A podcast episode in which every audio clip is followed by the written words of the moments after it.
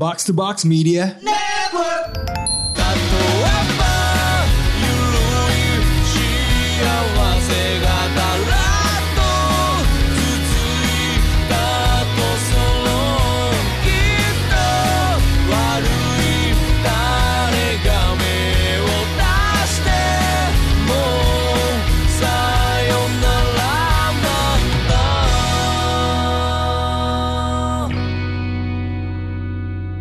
Ikuro, Ikuzo, kembali lagi ke Ikuro segmen lepas Otaku Box yang membahas manga. yang kita baca pekan ini, Seperti biasa bersama gue Bung Randan. Bung Ros. So, opening question, Bung Ros. What manga did you read Oh, this week? kita ini ya langsung gegen press ya. Yes. Yes. eh, jadi sebenarnya eh, ketika dapat jadwal Jumat waktunya mepet kan sebetulnya. Betul. Karena sedang mengerjakan beberapa ini eh, urusan gitu kan. Nah, akhirnya saya membaca apa yang manga yang sudah saya baca sebenarnya. Jadi membaca ulang. Oh Gitu. iya iya iya. Dan saya pikir manga ini tuh sebenarnya eh, kayaknya udah banyak yang tahu dan banyak yang baca gitu. Kalau pas kita ngomongin ikur awal-awal tuh ada beberapa yang mention, "Mah, Bang, bahas ini dong, bahas manga ini dong." gitu. Nah, gitu. Jadi eh, manga yang gue baca ini adalah Solanin. Oh Solanin ya, lagi melodramatik ya Pak ya? Solanin. Lagi lagi lagi melo bagaimana nih? Sebenarnya triggernya adalah eh, triggernya adalah kebetulan saya saya memutuskan untuk adulting gitu ya. eh, Untuk pindah dari rumah. Oke. eh, menempati eh, tempat baru. Kau sempat kontrak Hah? apartemen Eh, atau? apartemen Oh di mana? Di sebuah di masih di Jaksel, masih di Jaksel. Iya, maksudnya di daerah di, mana? di? Tebet, di Tebet. Oh Tebet. Di Oh Tebet, iya iya iya. Gitu. eh, dan weekend kemarin saya sebenarnya pindahan gitu kan. Eh, Oke. memetakan ntar barang di mana terus kemudian yang dibeli perlu apa aja gitu kan. Oke. Itu untuk pertama kalinya dalam hidup saya meskipun saya udah 30-an gitu ya. Akhirnya saya me- apa namanya harus memikirkan saya punya space sendiri dan space ini harus diisi apa gitu. Karena ini Oke. space-nya cukup cukup besar gitu ya. Eh, dua kamar gitu segala macam, ada living room, ada ada balkon segala macam. Saya harus memikirkan karena saya bakal tinggal sendiri nanti saya harus masak. Jadi saya kalau saya masak harus ada apa aja dan segala macam gitu kan. Jadi eh cukup kepikiran lah. Oh, ternyata ini harusnya saya lakukan lebih cepat gitu ya. Eh mengingat mengingat saya sudah 30-an gitu kan. Eh dan ternyata terlepas dari menyenangkan ya punya tempat sendiri emang harus diakui eh, ketika lo adulting itu cukup bikin capek gitu. Itu bahkan triggernya cuman dari dari dari pindahan doang sebenarnya gitu. Dan gua gua jadi ingat terus eh baca apa ya karena tadi karena ke-trigger itu akhirnya gue memutuskan untuk baca Solanin gitu sebuah sebuah manga yang menceritakan eh, dua orang tokoh eh, laki-laki dan perempuan. Yang laki yang perempuan namanya Meiko yang laki-laki namanya Taneda gitu. Di di manga ini dikisahkan bahwa keduanya ini eh, dua tahun lulus dari kuliah dan akhirnya harus menghadapi eh, kehidupan dewasa yang bayangannya tuh jauh dari eh, apa yang mereka perkirakan ketika masa-masa remaja gitu. Jadi eh, Beiko sama Taneda ini pindah ke Tokyo dengan segala keramaiannya, tapi mereka berdua ngerasa terasing dengan eh, hidupnya masing-masing. Si Meiko ini bekerja sebagai office lady, eh, sementara Taneda ini bekerja sebagai part-time ilustrator di sebuah percetakan kalau nggak salah gitu kan. Dan karena si Taneda ini gajinya gaji part-time itu lebih kecil daripada Meiko, akhirnya dia menumpang tinggal di apartemennya Meiko gitu. Dan dari situlah kemudian berkembang banyak cerita mengenai sebenarnya kita tuh apa sih yang dimau dari hidup gitu. Pertanyaannya itu sesederhana itu. Eh, karena mereka ngerasa bahwa navigating di adult life itu cukup repot gitu ya. Eh, sampai mereka ngerasa kayak hidup orang dewasa tuh sebenarnya cuman perkara whatever aja gitu. Bahwa eh iya kerjaan gua emang berat, tapi gajinya eh, lumayan jadi ya whatever gitu. Gue nggak suka, tapi ya ini menghidupi gua jadi whatever gitu. Jadi sem- ya ya masa bodoh gitulah. Eh, ada perang di sebuah tempat katanya gitu kan. Tapi selama itu tidak memengaruhi hidup gua ya masa bodoh gitu. Jadi semuanya tinggal tergantung go with the flow aja gitu dan itu yang bikin mereka mereka berdua tuh ngerasa kayak ini hidup gua kosong banget gitu ya. Sampai suatu hari karena dihantui oleh eh, perasaan kayak begitu, Meiko akhirnya memutuskan untuk apa namanya untuk resign dari pekerjaannya Oke. gitu walaupun dikritisi oleh temennya ya lu beneran gak impractical nih gitu. Karena lu pengen resign terus pengen mencoba hidup bebas gitu kan segala macam belanja main game di apartemen segala macam. Tapi lu nggak memikirkan ntar lu apakah dalam setahun ke depan ini duit lu bakal habis apa enggak gitu segala macam. Nah si Meiko ini kemudian ngerasa bahwa selama apa namanya selama eh dia resign itu dia mikir sebenarnya kebebasan kalau nggak punya sebuah tujuan dia bilang. Itu ras- jadi pada akhirnya cuma jadi kebosanan belaka gitu. Karena ya udah sama kayak kerja pada akhirnya ya gini-gini juga gitu tanpa juntrungan yang jelas. Belanja main nonton gitu segala macam main game. Dan akhirnya dia ngerasa bahwa yang fulfilling tuh seperti apa sih gitu kan. Nah dari situ kemudian cerita berpindah ke si Taneda yang dia punya band dia punya band eh sebagai iseng-iseng aja dibentuk pada saat kuliah gitu kan. Cuman ketika si Meiko ini mulai resign dan kayaknya dia pengen mengejar sesuatu gitu yang fulfilling dalam hidupnya nyari apa sih Taneda ini kayak terpacu gitu.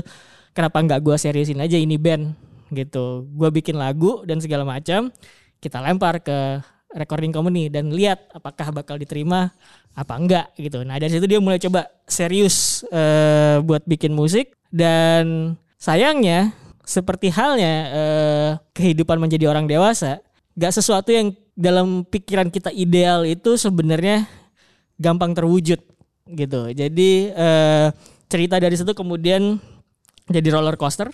Eh, dan bisa tanpa tanpa tanpa spoiler gue bisa bilang cerita ini jauh dari happy ending gitu. Hmm. jadi ya cukup inilah cukup cukup menampar kenyataan ketika lo memilih untuk menjalani hidup sebagai orang dewasa gitu. Cuma kan apa ya ini karena menyambung lo mengaitkan tema Solanin dengan adulting ya tentang pendewasaan tentang hidup ketika lo udah keluar nih dari sistem pendidikan. Kan the thing about sebelum lo bener-bener punya tujuan yang konkret ya ketika lo dalam sistem pendidikan 12 tahun terus higher education lo kan sebenarnya nggak terlalu kayak setiap saat tuh riwah mikirin di akhir hidup lo tuh lo mau jadi apa kan? Betul. Right, karena sistem edukasi itu kayak game sebenarnya. Dalam artian lo masuk ke sekolah, ini adalah game dengan pelajaran, dengan nilai, eh, dengan tingkat kesulitan. Jadi kayak ini nih sistemnya nih. Hmm. And yet the thing about life is lo harus menentukan sebenarnya game yang mau lo mainin tuh yang mana. Iya. Yang mana sebenarnya itu tidak ada arahan jelasnya ketika sedang eh, di dalam sistem pendidikan. Kayak ada ada ada kayak lo tuh cuma dilatih sebisa mungkin untuk mendapatkan informed decision gitu loh. Right? Ujung-ujungnya lo memilih based on peluang, kesempatan, kombinasi informasi yang lo dapatkan di luar dan di dalam Iya. sistem pendidikan tadi. So, siapa pun itu menurut gue sesiap apa pun itu pasti ada gap. Lu mau bilang oh lu mau masuk ke dunia iklan setelah berkomu eh, kuliah komunikasi, lo ikut lomba iklan gitu. Orang yang kayaknya paling prepared pun pasti bakal ada ada Iya, gapnya. iya, Situasi betul. ke situasi yang nggak pastinya itu di mana lo lagi mempertimbangkan berbagai macam hal dan irisannya dan dengan lo ngebang ngebangun kehidupan lo gitu kayak Hmm. pendewasaan tuh adalah ketika lo mulai harus kayak nih setelah sekian lama lo, lo kayak di sungai ya lo naik kapal lo sungai itu bermuara ke laut Hmm. Ombak angin kayak dan kalau di bahasa One Piece nih lo lo nggak punya log post Betul. gitu lo harus tentuin nih lo lo pulaunya tuh mau ke mana kayak situasi ketidakpastian itu men Iya. adulting is dealing with uncertainty sebenarnya kalau menurut gue Em, dan memang susah gitu kan memilih tujuan Betul. karena lo nggak tahu tujuan yang lo pilih itu benar atau enggak dan lo harus menentukan do I want to sail there Iya. uh, or not dan lo tadi ngasih hint soal eh, nggak semuanya happy ending Betul. gue juga ngerasa pendewasaan tuh adalah ketika lo sadar bahwa yang nggak semua akhir dalam hidup seperti buku yang dikasih buat anak 3-4 tahun di mana pasti Iya. happy ending right Hmm. So ya I mean gue pernah terekspos ya Kayaknya dulu banget gue baca Solanin eh Komik yang bittersweet Tapi bagi gue feelingnya sih sebenarnya agak uplifting Iya, ya. iya, emang emang emang. Eh, Dan satu hal yang menarik Lo ngomongin soal pendewasaan nih ya Eh, Itu kan kalau nggak salah karya pertamanya Inyo Asano, Asano ya. kan Iya. Right Kalau pendewasaan mau diidentikan dengan apa ya lo benar-benar memaklumi bahwa nothing is given in this world bahwa kemungkinan terburuk terkadang lebih sering terjadi because when you think about it ya ketika lo punya mimpi ya itu kan satu kemungkinan dari segala macam ke- kemungkinan dan dokter eh, ini mungkin contoh yang sangat tidak apples to oranges tapi Doctor Strange ketika di Endgame eh, di Infinity War kan cuma ada cuma Satu. ada satu Iya. cuma ada satu kemungkinan di antara 6 tujuh ratus tujuh juta berapa iya, kemungkinan iya. right so the the the possibility of you achieving mimpi yang lo tulis di kertas lo in statistical terms is like that more likely than not ending lo nggak akan gak happy atau lo tidak akan dapat ending storybook lo 100% gitu loh Iya. Nah makanya kembali ke pendewasaan gue gue jadi mikir nih ini ini Wasano kan semakin tua nih Hmm. dan karyanya bisa dibilang semakin mendewasa. Iya, betul, betul. Kayak lu bisa melihat setelah eh Solanin ya. Gue gak tau lu baca Oyasumi Pun Pun Iya, atau sempet, sempet. Girl by the Sea. Iya.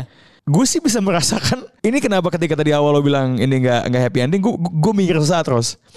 Karena bagi gue I think it was still uplifting semua komiknya ini Asano setelahnya deh yang yang yang lebih gue pertanyakan em, happy endingnya jadi thought Iya, gue gitu sih kayak lo ngomong ini komik tentang adulting yang gue pikirkan adalah hmm ini kayak justru komiknya dia yang paling puber sebenarnya Sebenarnya kayak coming coming of age story gitu sebenarnya gitu. Eh tadi gue bilang kenapa nggak happy ending sebenarnya kayak gue tuh ngerasa bahwa ketika membaca manga ini itu mengingatkan gue kepada ya masa-masa gue kuliah dan setelah habis kuliah gitu. Right, right. That Dimana- moment ketika lo Iya. mengalami feelings yang sama dan adulting lo baru lo lakuin sekarang. Nah, itu dia. Dan gue dan pada masa itu sebenarnya adalah yang paling berat ketika lu ngerasa bahwa mata lu tuh ketika ketika lah jadi anak-anak kuliah tuh masih begitu apa ya Berbinar. ma- ma- berbinar-binar gitu loh and then lu kemudian masuk ke dunia kerja ke dunia umur 20-an dan di situ kemudian mata lu berubah menjadi sinis So so gitu. so gue balikin ke pengalaman personal lo kalau gitu Ros. Kayak lo kuliah D3 iklan kan? ya Right? Eh, lo ketika kuliah jadi iklan dengan pengetahuan gini ya buat yang belum tahu, saya satu eh, komunikasi. ya Gue kerja di agensi, gue bisa bilang jagoan-jagoan yang kerja di agensi kreatif tuh banyak dari D3. It's a fact yang gak gue sadari ketika gue lagi berkuliah di komunikasi UI. Apalagi keluarga gue tuh sangat akademisi kan. They be preaching all the time kayak S1 tuh konseptor, D3 eksekutor. Ketika gue masuk ke agensi dengan all of this loaded kayak gue nih bla bla bla bla, dan gue ikut lomba iklan ketika. And ide konsep terkadang yang gue bawa tuh nggak ada tai-tai dibandingin anak D3 ya. Iya. itu tamparan realita buat gue kayak disconnect antara gue kira hidup nih A nih. Tahu eh gue tuh cuma B. Di situ. Kayak Iya, pengalaman iya, eh, siapa nama Shio, eh, Meiko, Meiko, sama Kaneda. Kaneda tuh gue alami seperti itu. Nah dalam kasus lu disconnect lo tuh apa nih coba lu agak ceritain dikit kayak pas lo D3 muluk-muluk lo apa Da- da- ketika keluar kayak oh ternyata dunia tidak sebegininya gitu. itu agak lucu adalah karena karena ketika ketika gua D3 eh gua di drill tiap hari adalah untuk bikin konsep. Itu mungkin bisa menjelaskan kenapa di dunia kerja yang lu bilang tadi itu eh anak-anak D3 ini kok bisa jago gituin apa bikin konsep gitu. Bahkan teman kita bersama kan yang kita kenal Bung Oka itu kan Oka Mahendra shout out nih sang Iya, punya Hensi iya. Taka vlog Iya. group ya. sampai sekarang dia jadi punya hand sendiri itu kan dia kan orang yang tiap hari tuh ngomongin konsep, ide, konsep, Bener, ide, bener, konsep, bener, ide bener, gitu. bener. Itu itu udah dia lakukan semenjak jadi mahasiswa gitu Hmm. bareng gua. Kalau sementara buat buat gua adalah ketika akhirnya gua di drill konsep ide, konsep ide setiap hari yang bikin gua terbuka adalah masa iya konsep ide cuman bentuknya cuman iklan doang Hmm, true. Oke. itu itu sebenarnya jadi gua lebih kayak tertampar gua selama D3 itu eh, apa namanya ngerasa bahwa iya bagus sih secara pendidikan terfokus gitu Iya, ya iya, iya, iya, cuman iya, iya. gua jadi kayak kayak kayak mata gua tuh jadi nggak ngelihat ke tem- nggak nggak ngelihat ke tempat yang lain gitu Oh, bahwa iya, iya. Lu jadi agak terlalu tunnel vision gitu ya. iya iya jadi konsep Eh. dan ide itu cuman bentuknya iklan Cuma buat jualan produk orang anjing. iya dan, dan terus kemudian iya benar itu dia yang yang yang yang, yang nyesek kan, wah, adalah wah tulisan yang bagus adalah tagline gitu kan. eh lo nggak bisa jadi seniman ketika lo jadi orang iklan karena kalau seniman kan lo bikin lukisan itu tanda tangan adalah di kanan itu tanda tangan eh, tanda tangan lo, lukisan Iya, lo, iya. tanda tangan lo. Iya, iya. Karya lo, iklan lo, pojok kanan bawah adalah brand. Logo brand True, punya true, orang true. gitu loh. Dan, dan apa yang lo dapat dari situ ya gaji yang mungkin sebenarnya nggak setimpal sama value apa yang Iya. lo bikin buat brand man. Dan, dan itu kan sebenarnya ketika ketika gua dulu D3 iklan itu eh masa depan terlihat cerah karena ketika itu eh bisnis industri iklan itu sangat-sangat booming. Iya buat konteks jadi bu- buat anak Gen Z dan bawahnya apa yang kita bayangkan soal startup? Dulu itu agensi ya kayak agensi rockstar lu di mana? Gue di la la la la la la agency multi gitu ya. Gitu kan eh setahun kerja beli mobil. Eh, lu, lu lu harus ini That's ini- not happening ini- now, man. ini ya. Uh. Mim- mimpinya memang begitu karena eh, lu harus harus harus tahu ya di Indonesia di 90-an awal 2000-an itu jadi kerja di agensi iklan udah pasti tajir itu True. itu bener gitu Eh, dan Duga kita mulu kan di Iya. gue suka diceritain tuh zaman dulu Zanzibar apalah itu kalau katanya emang wow wow sekali gitu jadi gue masuk ke ke D3 iklan pun dengan dengan eh, mimpi seperti itu gitu Ih, siapa sih lu umur 18 tahun wah gila lu ide lu keren ntar lu pasti kaya gitu kan Hmm. lumayan gitu ya tapi kan yang nggak kita ceritain adalah gimana kadang-kadang lu ngejar deadline sampai begadang dua hari gitu Iya, loh iya, iya. misalnya itu kan itu kan cuman kalau diceritain di sama senior ya work hard play hard lah timpal segalanya party hard. gede, Iya, mesti gitu kan, party hard. tapi kan dia tidak tidak menjelaskan work hard itu seperti apa Iya, iya, gitu. iya. Nah, gue akhirnya ngerasa bahwa eh setelah gue menjelang lulus itu mulai kenal sama beberapa orang terus gue ngerasa bahwa oh iya ya ide da- ide da- ide itu nggak cuman bisa teraplikasikan sama iklan gitu medium Hmm. sendiri kan berkembang ketika itu gue cuman tahu TVC print ad eh, Hmm. radio segala macam sekarang vi- kata viral itu baru benih ketika itu Eh gitu bro, sekarang se- menjadi se- sesuatu kata viral tuh adalah kata sifat untuk vlogger makanan anjing. iya Restoran viral nih. Iya, itu Wah bumbunya viral. gitu. Bumbu viral tuh gimana anjing? Dan akhirnya ketika gua itu akhirnya apa ya dalam dalam pikiran gue adalah apakah gua pengen eh, apa namanya kalau gua punya ide ini cuman masuk ke dunia iklan doang, marketing Hmm. communication segala Iya. macam gitu. Dan itu yang kemudian eh, akhirnya ketika ada tawaran jadi eh, sports writer eh gue nanya ini gimana? Gitu. Kesempatan apa yang bisa gue dapet? Gitu segala macam lu nggak pengen liputan ke luar negeri gitu kan? Gue kan gua kan dari dulu tuh selalu punya mimpi bahwa gue nggak mau eh, stay di satu tempat doang gitu. Gue pengen ke mana-mana gitu istilahnya. itu itu akhirnya gue terbeli akhirnya gue mencoba apply gitu di di detik ketika itu. Dan lucunya angkatan gue tuh lebih banyak eh, kerja di luar iklan sebenarnya di luar agensi ada yang bikin eh, foto ini foto agency sendiri bikin PH gitu semuanya. Jadi emang beneran ngaplikasinya ke banyak medium bukan bukan bukan ke iklan gitu akhirnya. Dan itu akhirnya yang jadi apa namanya eh, keputusan gue untuk gak lanjut di iklan terjun ke jurnalistik dan gue gue awalnya sama aja gitu terjun ke jurnalistik berwinar-winar. Hmm. tapi kemudian setelah bertahun-tahun ya lo, lo, lo akan melihat bahwa semuanya nggak nggak hitam putih ada area abu-abu lah di dunia jurnalistik dan gua pikir mereka yang eh, lulus dari eh, jurusan jurnalistik gitu ya dengan idealismenya terus kemudian kecemplung ke dunia media gua rasa mereka juga bisa memahami apa yang gua katakan gitu.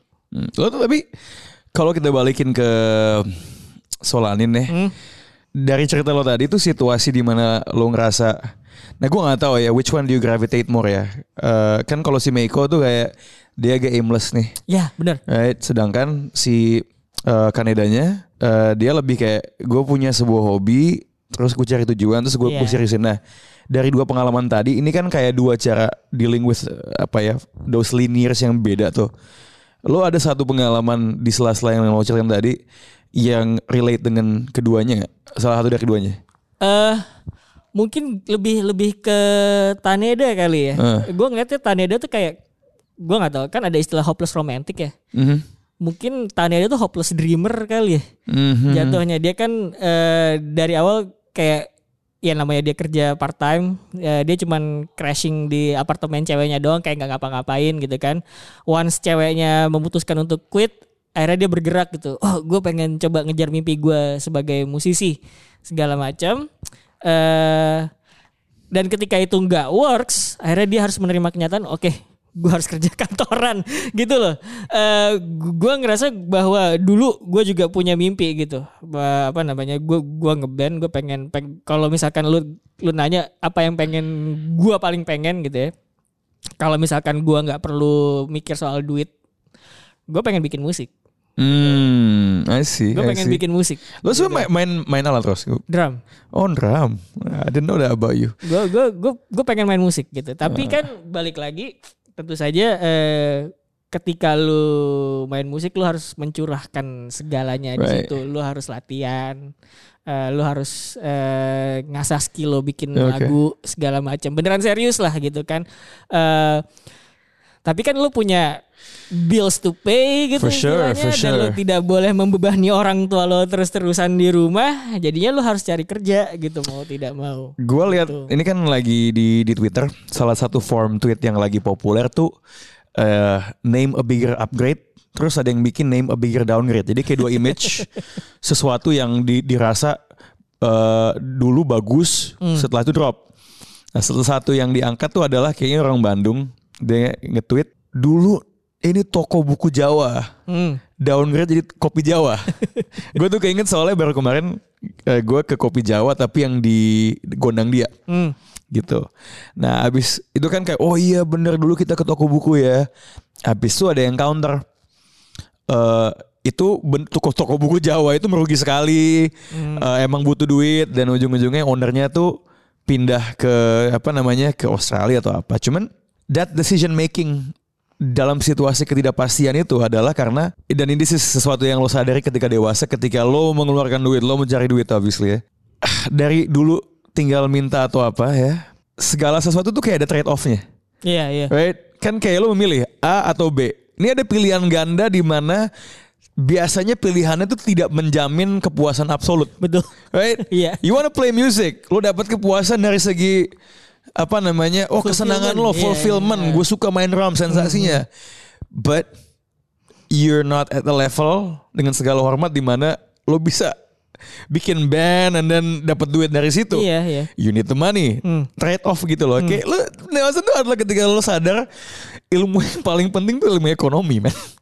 right? Yeah. Oh, dalam hidup tuh the filosofi ekonomi ya. Segala hal tuh ada A dan B-nya and you can you can never always get all. You can hmm. try to go there dengan usaha, persistensi and luck. Yeah. You might get there gitu. Gue gue gue gue, senangnya di Solanin itu adalah Meiko dan Kaneda ini berbeda cara memandang dunianya. Betul, betul, betul. Right. Dan sinergi di antara keduanya itu yang bikin ceritanya tuh jadi compelling bener, gitu loh. Bener, gitu. Dan gitu sih kalau gue ngeliatnya. Gue ngerasa bahwa uh, the bitter part of the manga adalah lo mau nggak mau harus menerima bahwa kadang-kadang uh, mimpi dan idealis lo idealisme lo tuh mati di tengah jalan gitu. Itu hmm. yang the hard truth yang ketika gue baca Solanin pertama kali tuh iya sih anjing gitu. Hmm. Bener sih kadang-kadang gitu. Maybe that's yang dimaksud endingnya nggak happy. Iya, Bahwa sebuah mimpi itu bisa, bisa mati. bisa mati gitu. Bisa mati ya, bukan berarti atau bisa juga ketunda misalnya True. let's say gitu gua eh, ketika nanti ketika ngerasa bahwa wah gua udah cukup nih gue pengen bikin musik ketika gua udah punya banyak duit dan banyak waktu uh. gitu kan bisa aja uh. gitu loh Uh, ketundanya tapi jauh banget gitu dan uh. pertanyaannya misalkan let's say gue udah gue menseriusi keinginan keinginan gue bermusik itu di umur 40-an uh apakah gue masih punya tenaga yang sama yeah. dan iya. gear yang sama ketika gue muda dulu gitu loh. Jadi ya kayak begitu sebenarnya. Ini menurut lo hitungannya kita ngomong kayak gini nih jatuhnya deep talk gak sih? ini kayak ini kayak konten podcast YouTube ngap-ngap deep talk gitu sih. Hidup adalah bla bla bla. I, I feel I'm a bit guilty. Mm -hmm. Maka and, and that's why gue mau agak jadi apa ya? Hmm, pelet cleanser sedikit ya. jadi uh, tadi kan lo approach-nya lu baca manganya yang udah pernah lu baca betul, ya, betul, lu reread ya. Hmm. Kalau gue taktiknya lain sih. Gue taktiknya gue baca manga yang baru keluar. Karena chapternya masih dikit. uh, gue sebenarnya belum sepenuhnya move on dari episode kemarin. Hmm. Um, di mana kita ngebahas Blue Box. Blue Box, betul. Generation. Uh, gue melihat ada beberapa respon, beberapa komen yang menggerakkan gue untuk mencoba membaca beberapa komik bertema cinta. Iya. Yeah. Nah, uh, So I wanted to find something yang you know can bikin gue agak doki-doki. Eh, yang komik yang gue baca nih masih baru. Iya. Ada di Manga Plus. Gue udah ngepost satu panelnya di Twitter hari ini. Lu pernah bayangin gak seandainya Michelangelo Hmm? sama Leonardo da Vinci itu satu SMA terus jatuh cinta satu sama lain.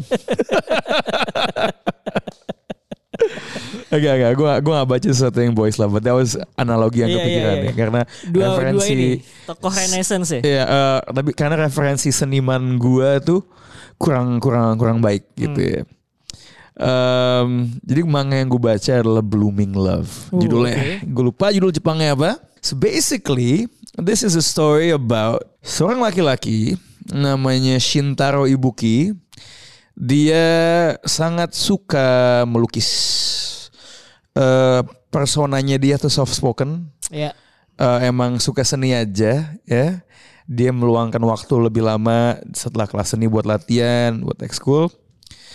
Suatu hari di tengah-tengah dia lagi eh, ngelukis, eh dia kayaknya ada tugas kelompok gitu. Temennya nyuruh dia bikin, nyuruh dia ngerakit kayak kotak kayu gitu. Iya, iya, iya. Terus dia kayak gua kan jagonya ngelukis ya. Kalau ngerakit ngerakit gini ya, jadi carpenter gini gua nggak bisa. Hmm. Nah di ruangan yang sama dia di lihat ini kok ada cewek serem banget deh. Kayak Yankee gitu loh. Oke. Kayak cewek-cewek geng gitu yang kenceng gitu. Iya. Diliatin terus, diliatin terus. Kenapa sih? Terus dia kayak oh ini pasti dia masih di sini karena gambarnya belum selesai. Kayak dia karena dia nggak punya bakat seni kan. Tiba-tiba ceweknya datang, sat sebat bet bat langsung dijadiin Jadi, kotak kayunya. iya, iya, iya. Ternyata cewek ini sangat jago, craftsman Crafting, gitu kan. iya. And then dia kayak agak terpanas ngobrol terus karena dia ngeliat gambarnya si cewek ini belum jadi jadi, dia ambil dia gambarin gitu, ah, gitu kan. Terus ceweknya kayak, "Ih, perfect ngapain sih ngambil gambar?" Karena emang ternyata skill gambar dia jelek. Hmm, hmm. Terus dia lihat gambar yang dibuat sama si sama si cowoknya, sama si Shintaro Ibuki ini, terus dia kayak terkesima. Hmm. Nah itu adalah awal sebuah love story di antara dua anak SMA eh, yang personalitinya bertolak belakang, sama-sama suka seni, tapi seninya tuh berbeda. Iya. Jadi saling melengkapi. Jadi kalau misalnya kemarin Blue Box tuh hobi sama-sama olahraga, Iya. yang gak ada hubungannya nih bulu tangkis ya. Ini kayak sama-sama seni ini, tapi beda dikit tapi saling mengisi gitu. Hmm. Ada juxtaposisi Iya, iya, iya. di antara hobi mereka yang juga dituangkan ke dalam karya seni yang dia bikin dan bagaimana manga ini digambarkan dan gemes, gemes. Em, gambarnya gue suka sih, art style-nya gue suka. Tadi tuh eh, baru 4 chapter, jadi dan di, kayaknya di ketika keluar tuh dia langsung drop 3 chapter Oh, Oke. dan namanya itu here's what I like namanya itu entah by design atau enggak baru dikasih tahu di chapter 3 ya Dua dua karakternya ini. dua dua karakter ya Hmm. and what I like is gue ngerasa this is about seni itu kan tadi gue bilang soal juxtaposisi ya seni ini kan punya layer Iya. I think this is about the layers of how you fall in love with someone Hmm. Eh, ini sebenarnya trop kontras antara cewek sama cowok rasanya udah ada beberapa komik yang lakuin. I mean Sundere kan lu kayak first apa namanya first impressionnya tidak Iya, baik. But this is about second second impressions actually. I Gitu bahwa dan pun bener kan sebuah karya seni yang hebat you can argue iya art adalah sesuatu yang makes you feel something Iya. ya tapi bagi gue seni itu semakin indah ketika ada depth ada subtext Hmm. ada layer Betul, betul, betul. This is about falling in love dengan layer dari seseorang. Walaupun first impressionnya mungkin nggak baik atau deceiving gitu. Iya. Nah, ada satu panel nih. Ada there's some some really beautiful panels di di di komik ini yang gue adore. Tadi gue post ini dari bab satunya. Jadi ketika ceweknya si siapa namanya si Kyoko ini lagi melihat gambar si Shotaro ini, dia terpana kan gini, dia bilang gini, but when I try to draw things that I thought I didn't like, I realized that the parts I liked were just hidden. Oh.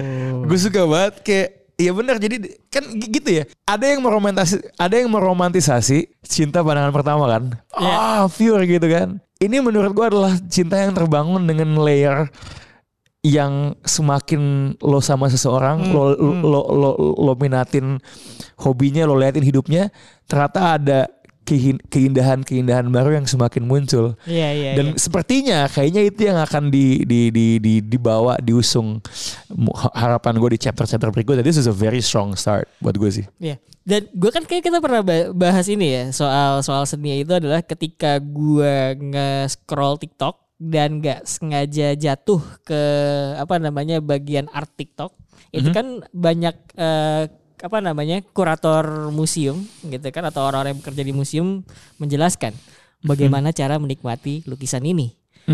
Pertama dari angle mana dulu Iya. gitu kan. Dari kiri dulu apa gue sambil duduk dulu dari bawah gitu. Kenapa harus gue dari duduk bawah dulu? Karena untuk bisa menjelas mencerna apa yang terjadi di lukisan ini lo harus ngelihat si tokoh ini dia ngapain kenapa arah pandangnya ke sana gitu loh Betul. jadi kan makanya kemudian eh, Di dekonstruksi gitu Iya, ya. dia rekonstruksi dan dan lu sat- satu lukisan gitu eh makanya tadi lu bilang ada subtext ya, ada makna-makna tersembunyinya karena ada hal kayak gitu yang nggak bisa sekali lihat doang gitu. True, true. Dan secara paralel itu sebenarnya kadang-kadang eh sama kayak kita pendekatan sama orang yang kita suka gitu. Bahkan Iya. mungkin awalnya lu nggak suka, tapi semakin lo mengenal orang tersebut, oh iya kok gue jadi suka sama dia ya karena Iya. ini orang ternyata sangat-sangat menarik gitu loh. Ya, em, si Tora temen gue suka nge-DJ Hmm. di eh, Kaizoku sama di Tori Bro juga ya. Dia tuh sempat ngepost kayaknya trigger lagi-lagi di Twitter adalah what what makes you fall in love with someone. Iya iya. apa kayak checklist ini apa nih? Dan dia menyebutkan hobi.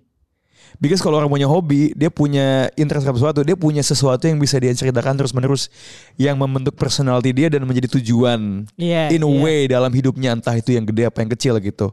Nah itu tuh termasuk layer-layer tadi. Nah ini menarik nih, lo lo lo ngomongin soal TikTok seni, bagaimana menikmati seni gitu kan, Iya, iya. angle segala.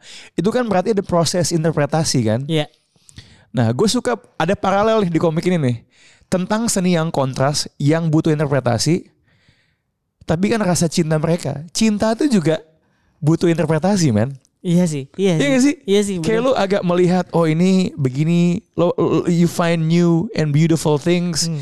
in your feelings yang mungkin memperkuat atau memperdalam rasa cintanya. I mean, I think that's what the comic is about, man. Iya.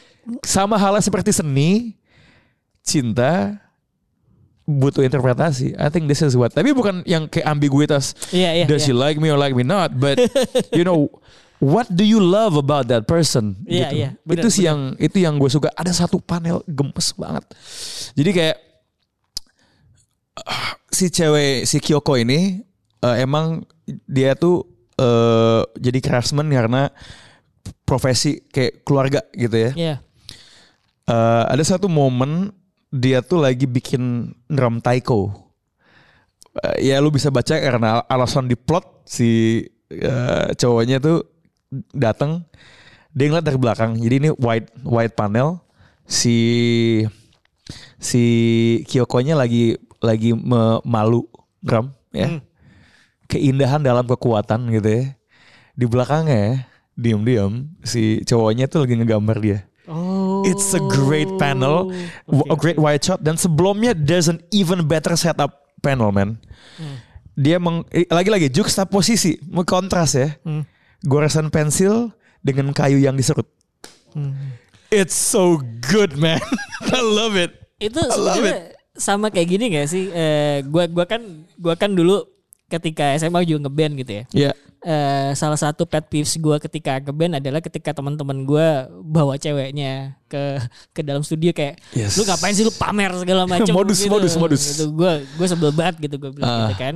Eh, sampai ketika gue udah kerja gue punya temen cewek dia Aha. tuh seneng ikut eh, apa namanya nontonin cowoknya main basket Oke, terus nontonin cowoknya main basket dan gue bertanya gitu karena Ya. gue teringat hal-hal gue ketika SMA itu tadi lo kenapa seneng apa ya lagi ngobrol santai lu kenapa seneng seneng apa nemenin cowok lo main basket eh, seru tau gitu dia bilang cowok kalau udah punya hobi dan tekun banget iya. sama hobinya apa yang disukain tuh menurut gue keren banget dia Aha. bilang kayak gitu gitu jadi eh, gue bisa membayangkan eh, ketika tadi siapa nama cowoknya Eh, siapa? Shotaro. Ah, lupa Ya, gue. Ketika si Ibuki namanya. Ibuki, Ibuki ya betul. salah. Nama belakangnya Ibuki. Jadi ketika Ibuki. dia melihat si cewek ini sedang apa namanya serius Shintaro menggarap Ibuki.